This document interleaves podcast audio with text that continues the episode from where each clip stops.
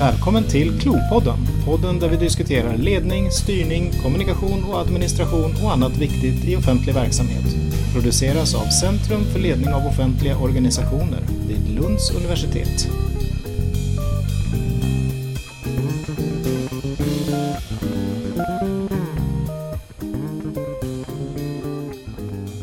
Hej och välkommen till Klopodden. Jag heter Johan Alvehus och är professor på institutionen för tjänstevetenskap på Lunds universitet. Ämnet för dagens podd är distansarbete.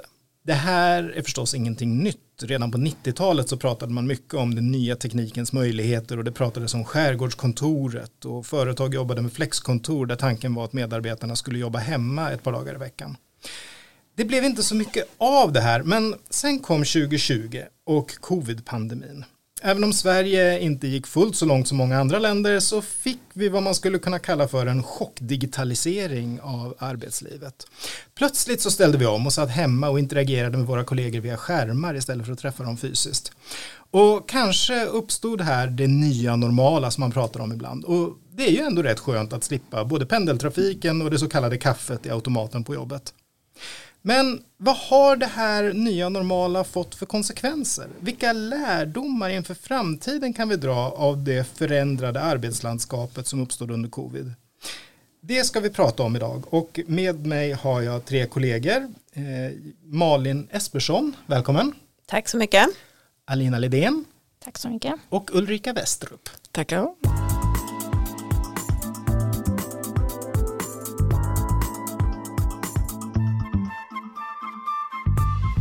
Vad var det som gjorde att ni blev intresserade av att studera det här, den här typen av förändringar i arbetslivet under covid? Det var så här att eh, i slutet på 2020 så eh, började vi tänka så här att eh, allt fler tvingas, påtvingas att eh, jobba hemifrån. Och vad innebär det för de sociala relationerna mellan kollegor på en arbetsplats? Vad händer med arbetsgemenskapen och, och så vidare? Så att vi bestämde oss för att eh, vi måste ju ta reda på detta. Så eh, mars 2021 fram till augusti 2021 så genomförde vi ett antal intervjuer där vi ställde oss frågan vad händer med de sociala relationerna när kontorsarbetet blir distansarbete? Och eh, det här fick ju givetvis då genomföras digitalt så vi intervjuade via Zoom och vi själva var ju i samma situation att vi också påtvingades att jobba hemifrån. Så att vi var också givetvis då vana vid Zoom vid det här laget. De yrkesgrupper som vi valde ut det är kunskapsintensiva yrkesgrupper och vi hade också kriteriet att eh, de vi intervjuade skulle inte tidigare ha jobbat på distans. Utan nu skulle de jobba heltid på distans eller åtminstone till stor del. Och vi intervjuade mjukvaruutvecklare, systemförvaltare, controllers, kommunikatörer, studievägledare och präster. Så efter de här studierna på ett lite övergripande plan, vad är det ni har kommit fram till här Alina? Vad hände med relationerna mm. egentligen? Jo men det hände nog en del och det som vi ser är att relationerna till kollegorna blev färre. Eh, och framförallt som ett resultat av att de spontana mötena eh, hade minskat eller rättare sagt de spontana mötena i princip försvann. Eh, när vi, fick, när vi eh, fick inte träffas fysiskt längre. Eh, så möjligheterna till att upprätthålla dessa kontanter fanns inte på ett naturligt sätt när man arbetade hemifrån.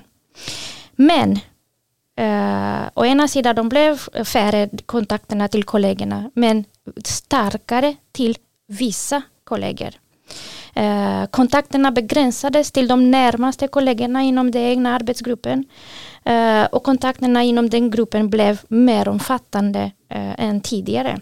Man blev som en ö som en av våra respondenter uttryckte det. På så sätt så förstärks, förstärks redan etablerade, etablerade relationer till de närmaste medan relationerna till, relationerna till andra kollegor uh, försvagades och blev färre. Så det var ett, Eh, en förändring av eh, relationerna till kollegorna. Vi ser också att eh, det här fysiska avståndet och möjligheterna att träffas fysiskt gjorde att vi blev mindre tillgängliga för, för varandra. Och detta lite grann för olika skäl. Dels man gjorde sig mindre tillgänglig just för att frigöra tid till det egna arbetet. Det fanns en stor önskan och ett stort behov också av att Eh, arbeta ostörd. Vilket många menade att de hade, lite, eh, hade svårt med det på den fysiska arbetsplatsen. Så det är ett sätt att uh, frigöra tid var det här att göra sig mindre nåbar. Uh, och det blev en lösning, för att, en lösning för att kunna sitta och jobba koncentrerat och ägna sig åt det egna arbetet. Annat skäl var det också det här um, formatet på de digitala mötena, sättet vi Eh, det var, som, det var det enda sättet vi kunde träffas. De här digitala mötena öppnade upp för att man kunde kanske koppla ifrån diskussionerna. Var inte, handlade inte om de sakerna som hade betydelse för det egna arbetet. Eh, och på så sätt kunde man mötesjobba, det vill säga man eh, arbetade med det egna medan mötet pågick. Och det här beskrivs eh, som en form av effektivitet, att vi blev mer tidseffektiva eh, för att eh, ägna mer åt det egna. Och som ett kanske resultat av det här med färre relationer, minskade tillgänglighet. Vi ser också att dynamiken mellan eh, kollegorna försvagades möteskvaliteten blev lägre när intresset för det som hände under eh, mötena minskade. De här digitala mötena eh, hade en, relation, eh, en rationalitet som tog fasta på och stärkte ordning och reda. De, de här mötena beskrivs inte mycket som att det handlar om att förvalta. Det handlar inte om att utveckla. Det handlar inte om att påbörja nya projekt och jobba kreativt och innovativt. Eh, det var ganska instrumentella möten eh, som gjorde att eh, samspelet mellan deltagarna förändrades.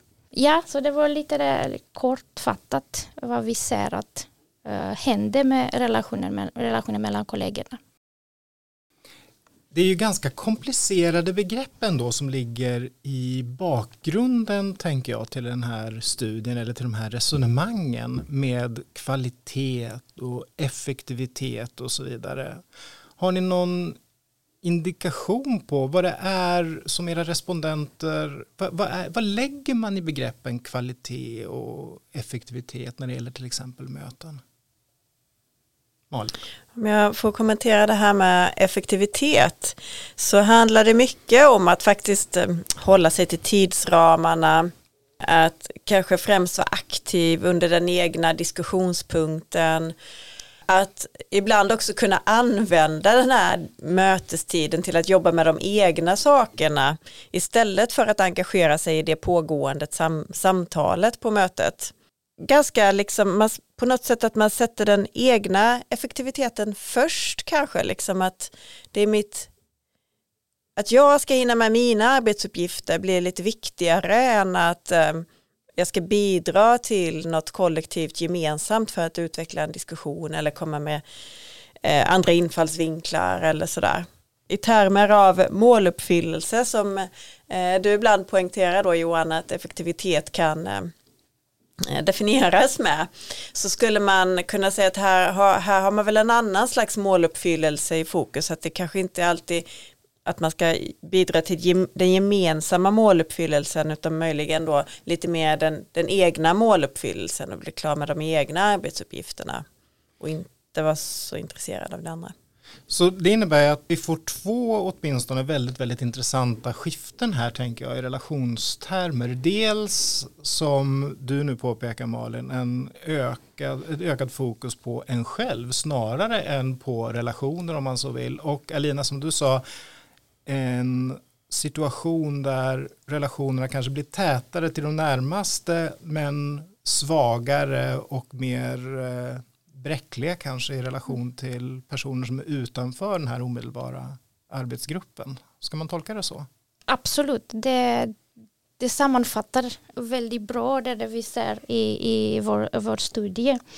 Och jag tänker på det här med eh, effektivitet. Dels det här eh, det egna, eh, effektivitet kopplat till det egna arbetet.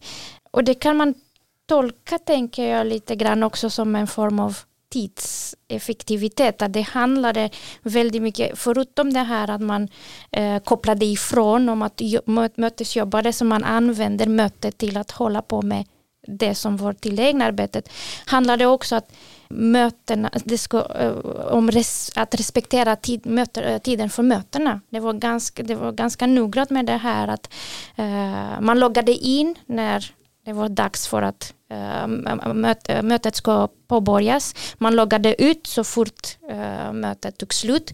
Framförallt eftersom man hade ett annat möte som skulle börja på en gång. Det var den här, alla mötena var kloss i kloss. Man försökte vinna tid hela tiden genom att mötena låg eh, efter varandra väldigt tätt utan någon möjlighet till någon återhämtning mellan möten. Och det här tidseffektiviteten handlar, handlar också om att kanske att frigöra delar av, av, av dagen eh, för att jobba med det som det var viktigt för individen.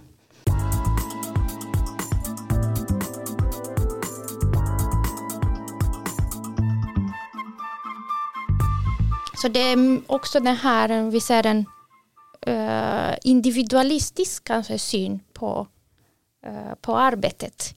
Man kanske engagerades inte så mycket när det handlade till det, det som man kan säga det kollektiva. Det, det kollektiva tenderar, eh, tenderar att hamna lite grann i skymundan. Det, alltid handlade om hur ska jag vara så effektiv som möjligt när det kommer till mitt eget arbete.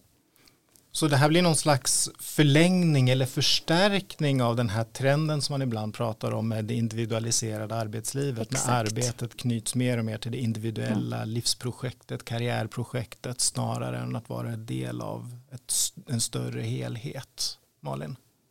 Ja, det skulle jag verkligen hålla med om att man gör många val utifrån den egna situationen istället för att göra valen utifrån vad behöver min arbetsgrupp eller vad behöver min arbetsplats? Vad behöver mina kollegor? Vi har ett spännande citat i studien där man resonerar om att man faktiskt låter bli att kontakta sina kollegor Eh, man gör det både för sin egen skull i hög grad för att då hinner jag jobba mer. Om, om jag plockar bort det här sociala från eh, min arbetsdag då hinner jag jobba mycket mer. Så på så sätt kan man säga att det driver på effektiviteten i arbetet om man nu bara tänker i termer i att hinna med sina arbetsuppgifter.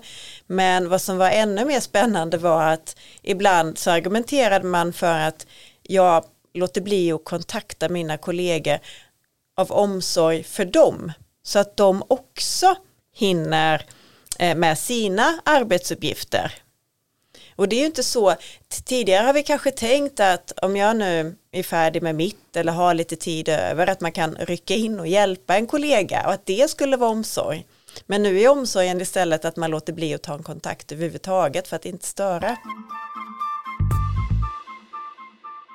Nu har vi pratat en del om relationerna på ett vad man skulle kunna kalla för strukturellt plan. Men om man närmar sig relationer på ett mer interpersonellt plan, det vill säga hur ser jag på min kollega, hur mina, hur mina känslor kanske i relation till kollegor och så vidare förändras av det här. Är det någonting som också kommit fram i studien? Ulrika? Mm, det kan man säga att eh, vissa saker blir ganska tydligt och det har ju givetvis med det mänskliga samspelet att göra att vi, vi har ju den typen av behov. Precis som nämndes här innan när Lina berättade hur rationella möten vi har som eh, startar och slutar när vi har bestämt att det ska göra. Och vi höll agendan som vi hade sagt och så vidare. Så var det så att det som kom fram var att man saknade en hel del kring det här småpratet.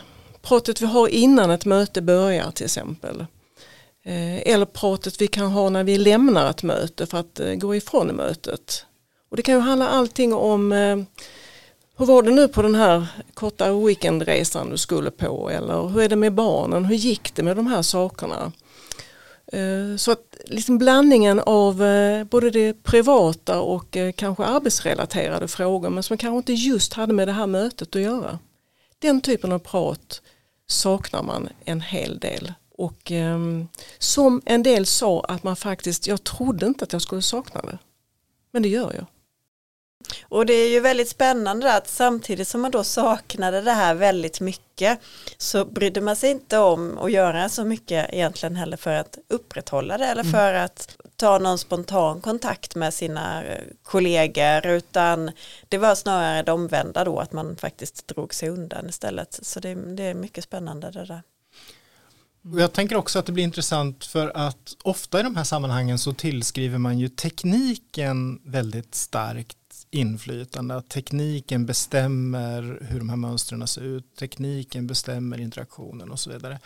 Men här är ju uppenbart så att vi har ju full tillgång till teknik som möjliggör det här småpratet, småchattret, småkontaktandet i form av sms eller chattar och så vidare och så vidare som vi alla kan använda oss av. Så att uppenbarligen så finns det en norm och ett element av sociala överenskommelser här som eh, går utanför vad tekniken kan sägas bestämma. Ja, och det är ju lite spännande faktiskt. Det är som att man reglerar sig själv då från det här spontana. Det spontana kan bara på något sätt verka som ske när man möts och, och inte när man sitter på olika ställen. Eh, en annan grej som vi också såg var ju att man kan använda tekniken inte för att ta kontakt utan för att stänga ute. Kan du utveckla det lite? Det ju, låter ju jättespännande. Ja, vi har någon som, som berättar att jag satt i ett Skype-möte med min kollega och det var jättebra för då kunde ingen annan nå oss. Då kunde de sitta där och jobba i lugn och ro tyckte de och så behövde de inte bli störda av andra. Och det var ju av det här då att ja, det var så att säga upptaget på linjen. Ungefär som de, när lillsyran hade telefonen på den här tiden. När man, när man hade sladd hade i telefon. Ja. Mm. Mm. Precis. Man kan också säga så här att det, det, tekniken möjliggjorde att vi kunde arbeta tillsammans och kunna fortsätta med våra arbete eh, tillsammans även om vi satt på olika platser. Men den här tekniken att vi skulle träffas digitalt gjorde också att vi begränsade också eh, när det kommer till det sociala eftersom vi ser eh, hur många, eh, många av våra respondenter tyckte att det var, det var inte givande att uh, socialisera via ja, digitalt. Eh, det fanns möjligheter till att eh, eh, ha en digital fika, det fanns möjligheter till att ha en digitalt after work och så vidare som det bara rann ut i sanden. Det, var, det uppfattades lite grann som att ett annat typ av möte. Det var inte anpassat till ett socialt sammanhang. Så det, ja, det här digitala forumet har fungerat å ena sidan att möjliggöra våra möten samtidigt som är också ett buffert eller ett eh, begränsar eh, vissa typer av, av möte.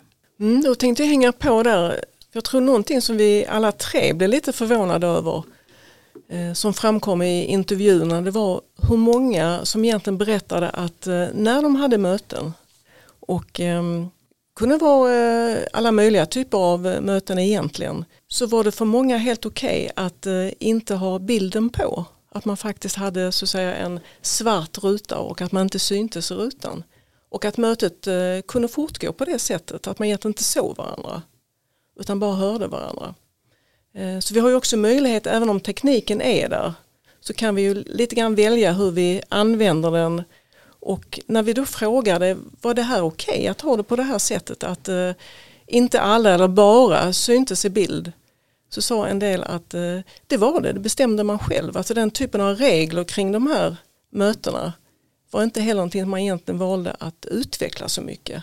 Så återigen så mm. ser vi väldigt tydligt hur normer och normsystem eller sociala praktiker kring tekniken egentligen är det som är viktigt och centralt snarare än de tekniska objekten eller maskinerna så att säga i sig. Ja, så skulle man nog mm. kunna säga. Men en sak där tekniken faktiskt begränsar eller inte låter oss göra på samma sätt som när vi möts eh, ansikte mot ansikte. Det är ju det här med, med talordning. Vi lär våra förskolebarn väldigt mycket om turtagning och vänta på sin tur. Och det är ju en, en praktik som vi också har fått plocka upp på Zoom, för där kan man bara prata en i taget. Där hackar det eh, om man försöker prata flera samtidigt, vilket gör att jag kan inte humma instämmande eller hålla med lite så här när någon annan pratar för att då stoppas flödet lite grann. Och så så det, det är ju någonting som, som vi har behövt lära om och som kanske gör samtalet mindre spontant eller det utformas eh, på ett annat sätt i alla fall.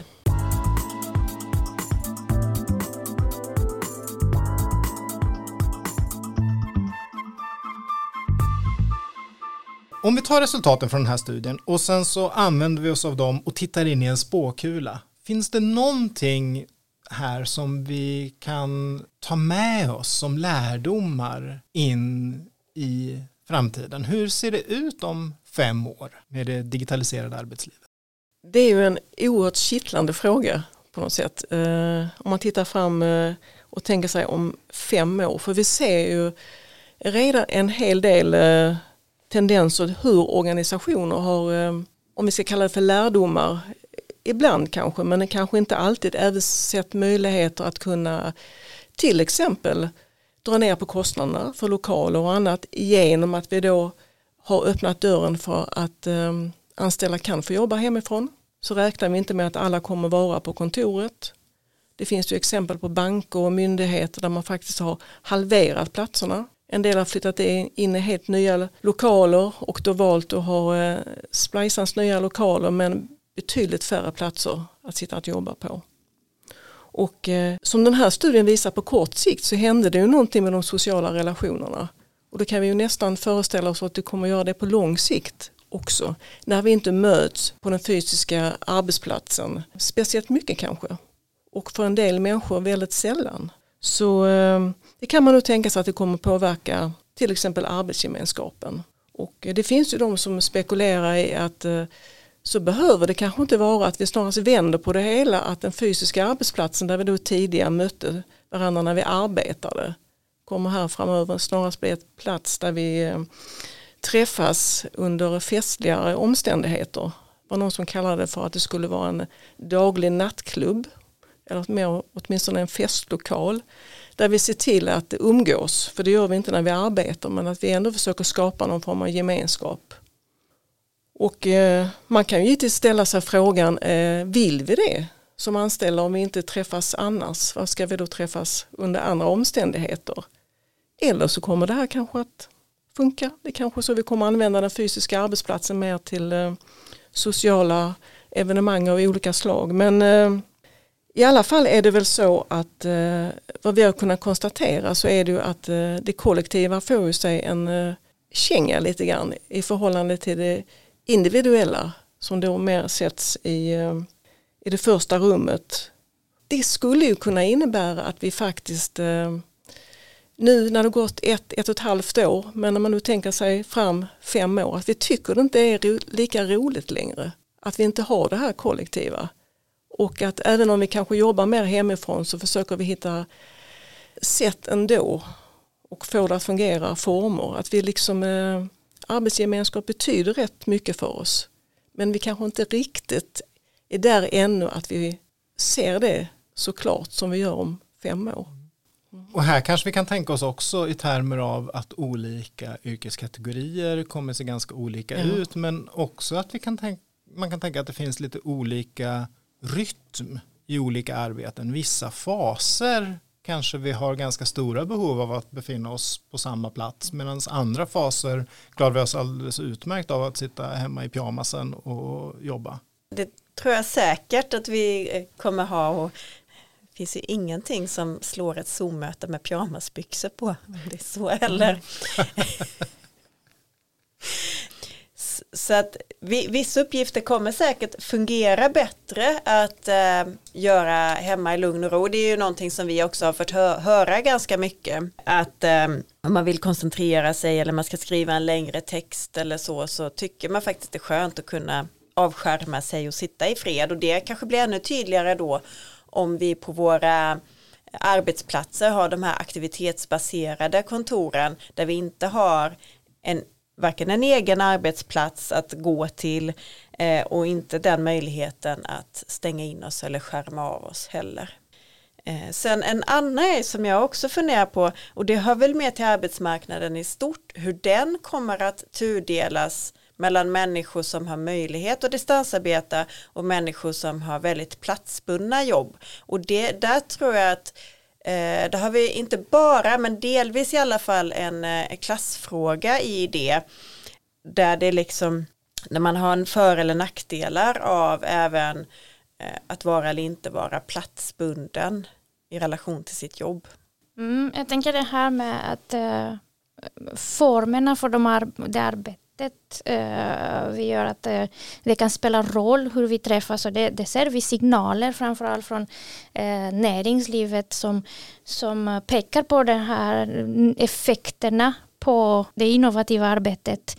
Effekten av att inte träffas fysiskt, att inte sitta i samma rum och ha mötena, möjligheten att se på varandra, att peka att använda kanske ett whiteboard och så vidare som bidrar väldigt mycket till att vi ska komma med nya idéer, med nya förslag och så vidare. Och det är någonting som framförallt de innovativa branscherna och näringslivet pekar på att det kan uh, ha stora konsekvenser.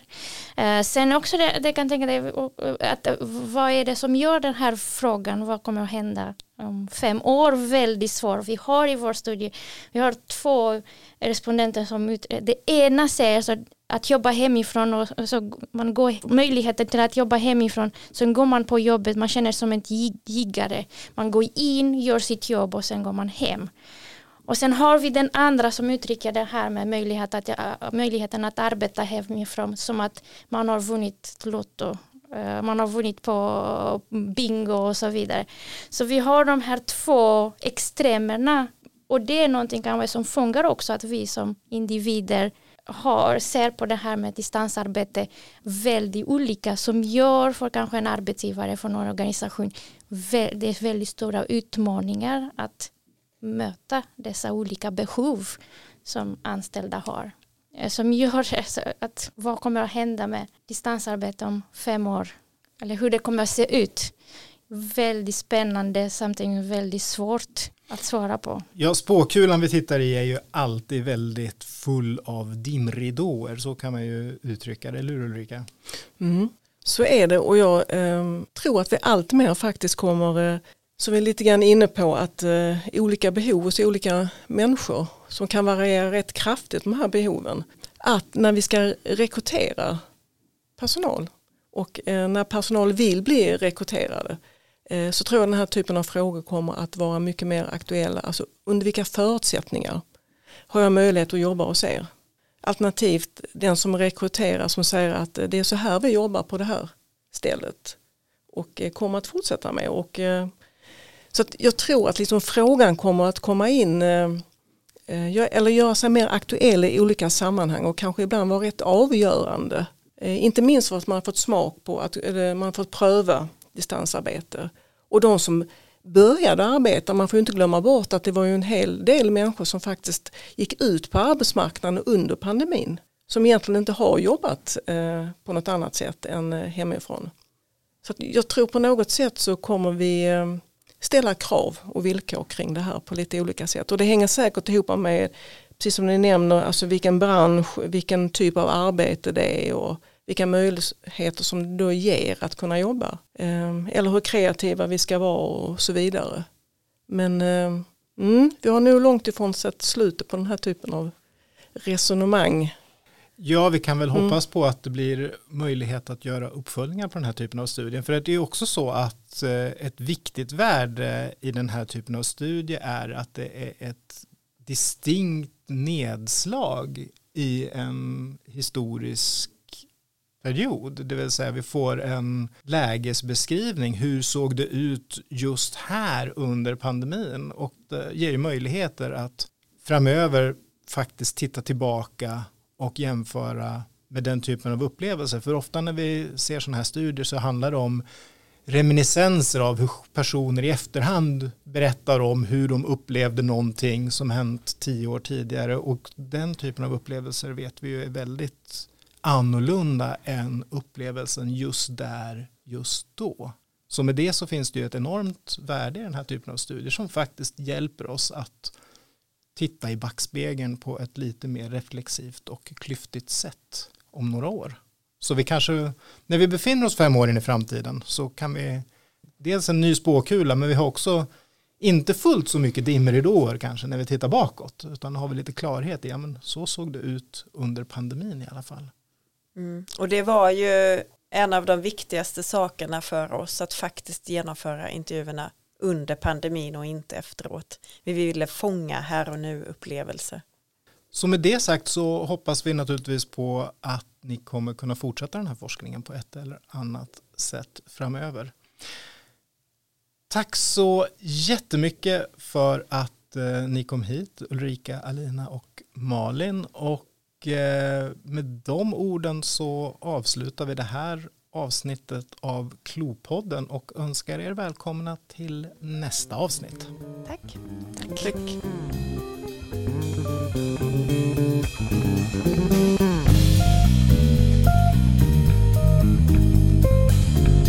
har lyssnat till Klopodden från Centrum för ledning av offentliga organisationer vid Lunds universitet. Välkommen nästa gång.